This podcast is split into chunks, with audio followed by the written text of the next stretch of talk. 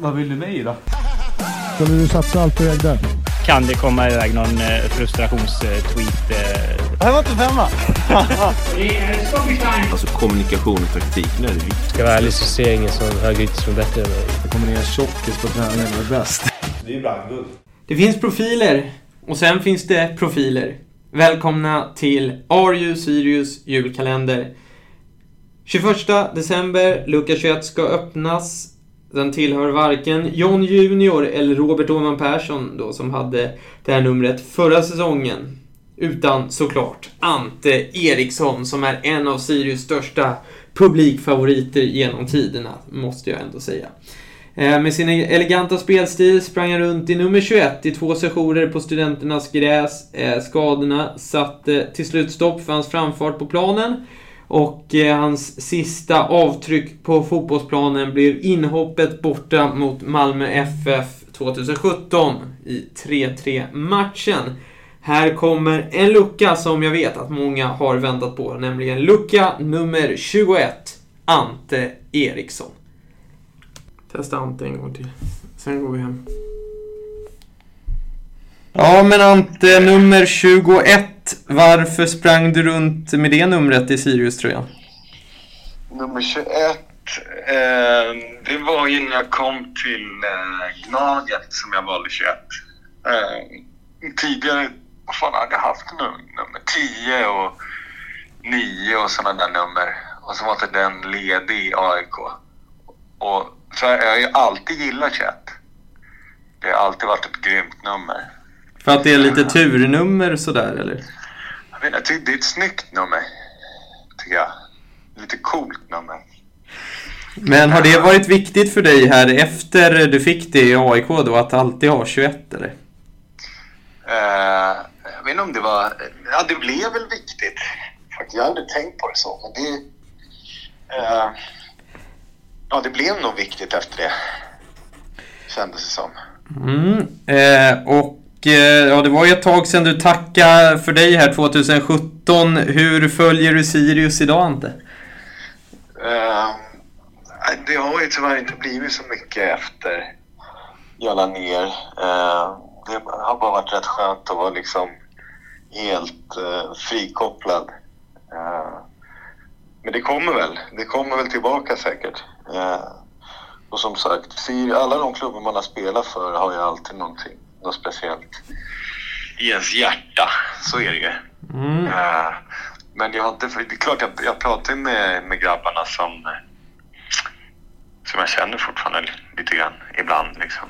Vilka är det då, skulle du säga?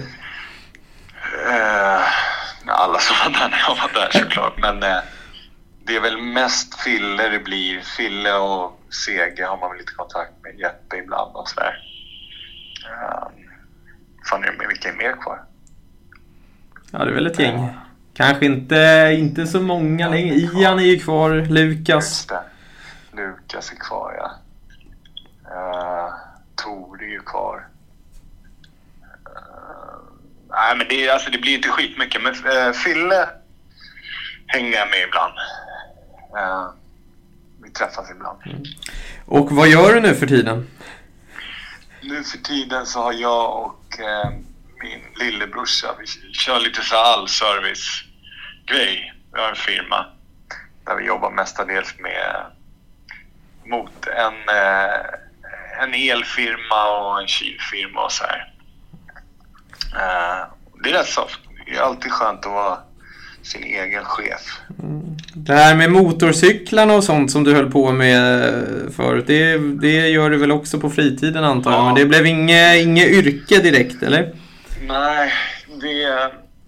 Men det, så gick jag in i det också.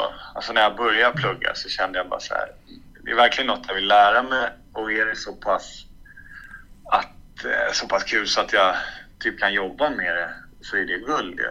Men eh, det kändes som att det roliga, det roligare med det hela det är när man håller på själv och fixar och donar. Skulle man jobba med det då är det typ 90% service. Byta olja och så här, det suger. Och Det eh, hur går det... artisteri. hur går det med bandet då? Eh, jo, det går bra. Det ligger lite på is nu. Eh, Bronco 21B ligger lite på is. Men eh, jag och en- polare, vi har ett annat projekt.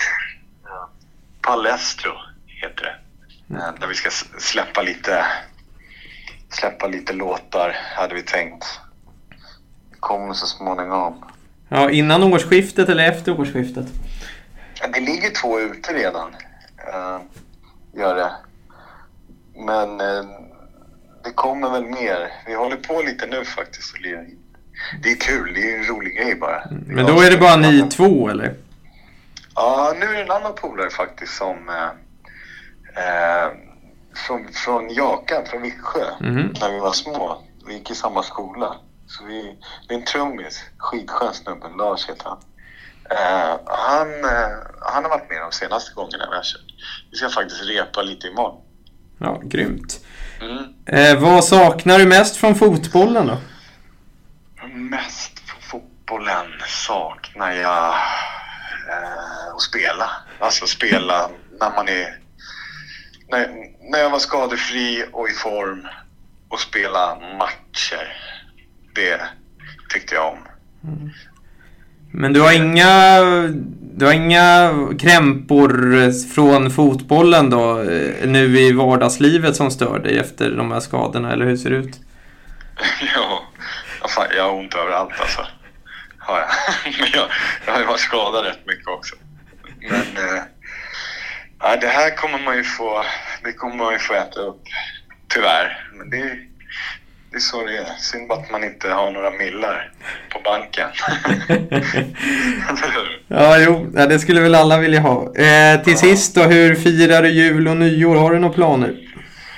Eh, ja, vi har inte riktigt bestämt vad vi ska göra. Eh, men det blir vi hemma i varje fall.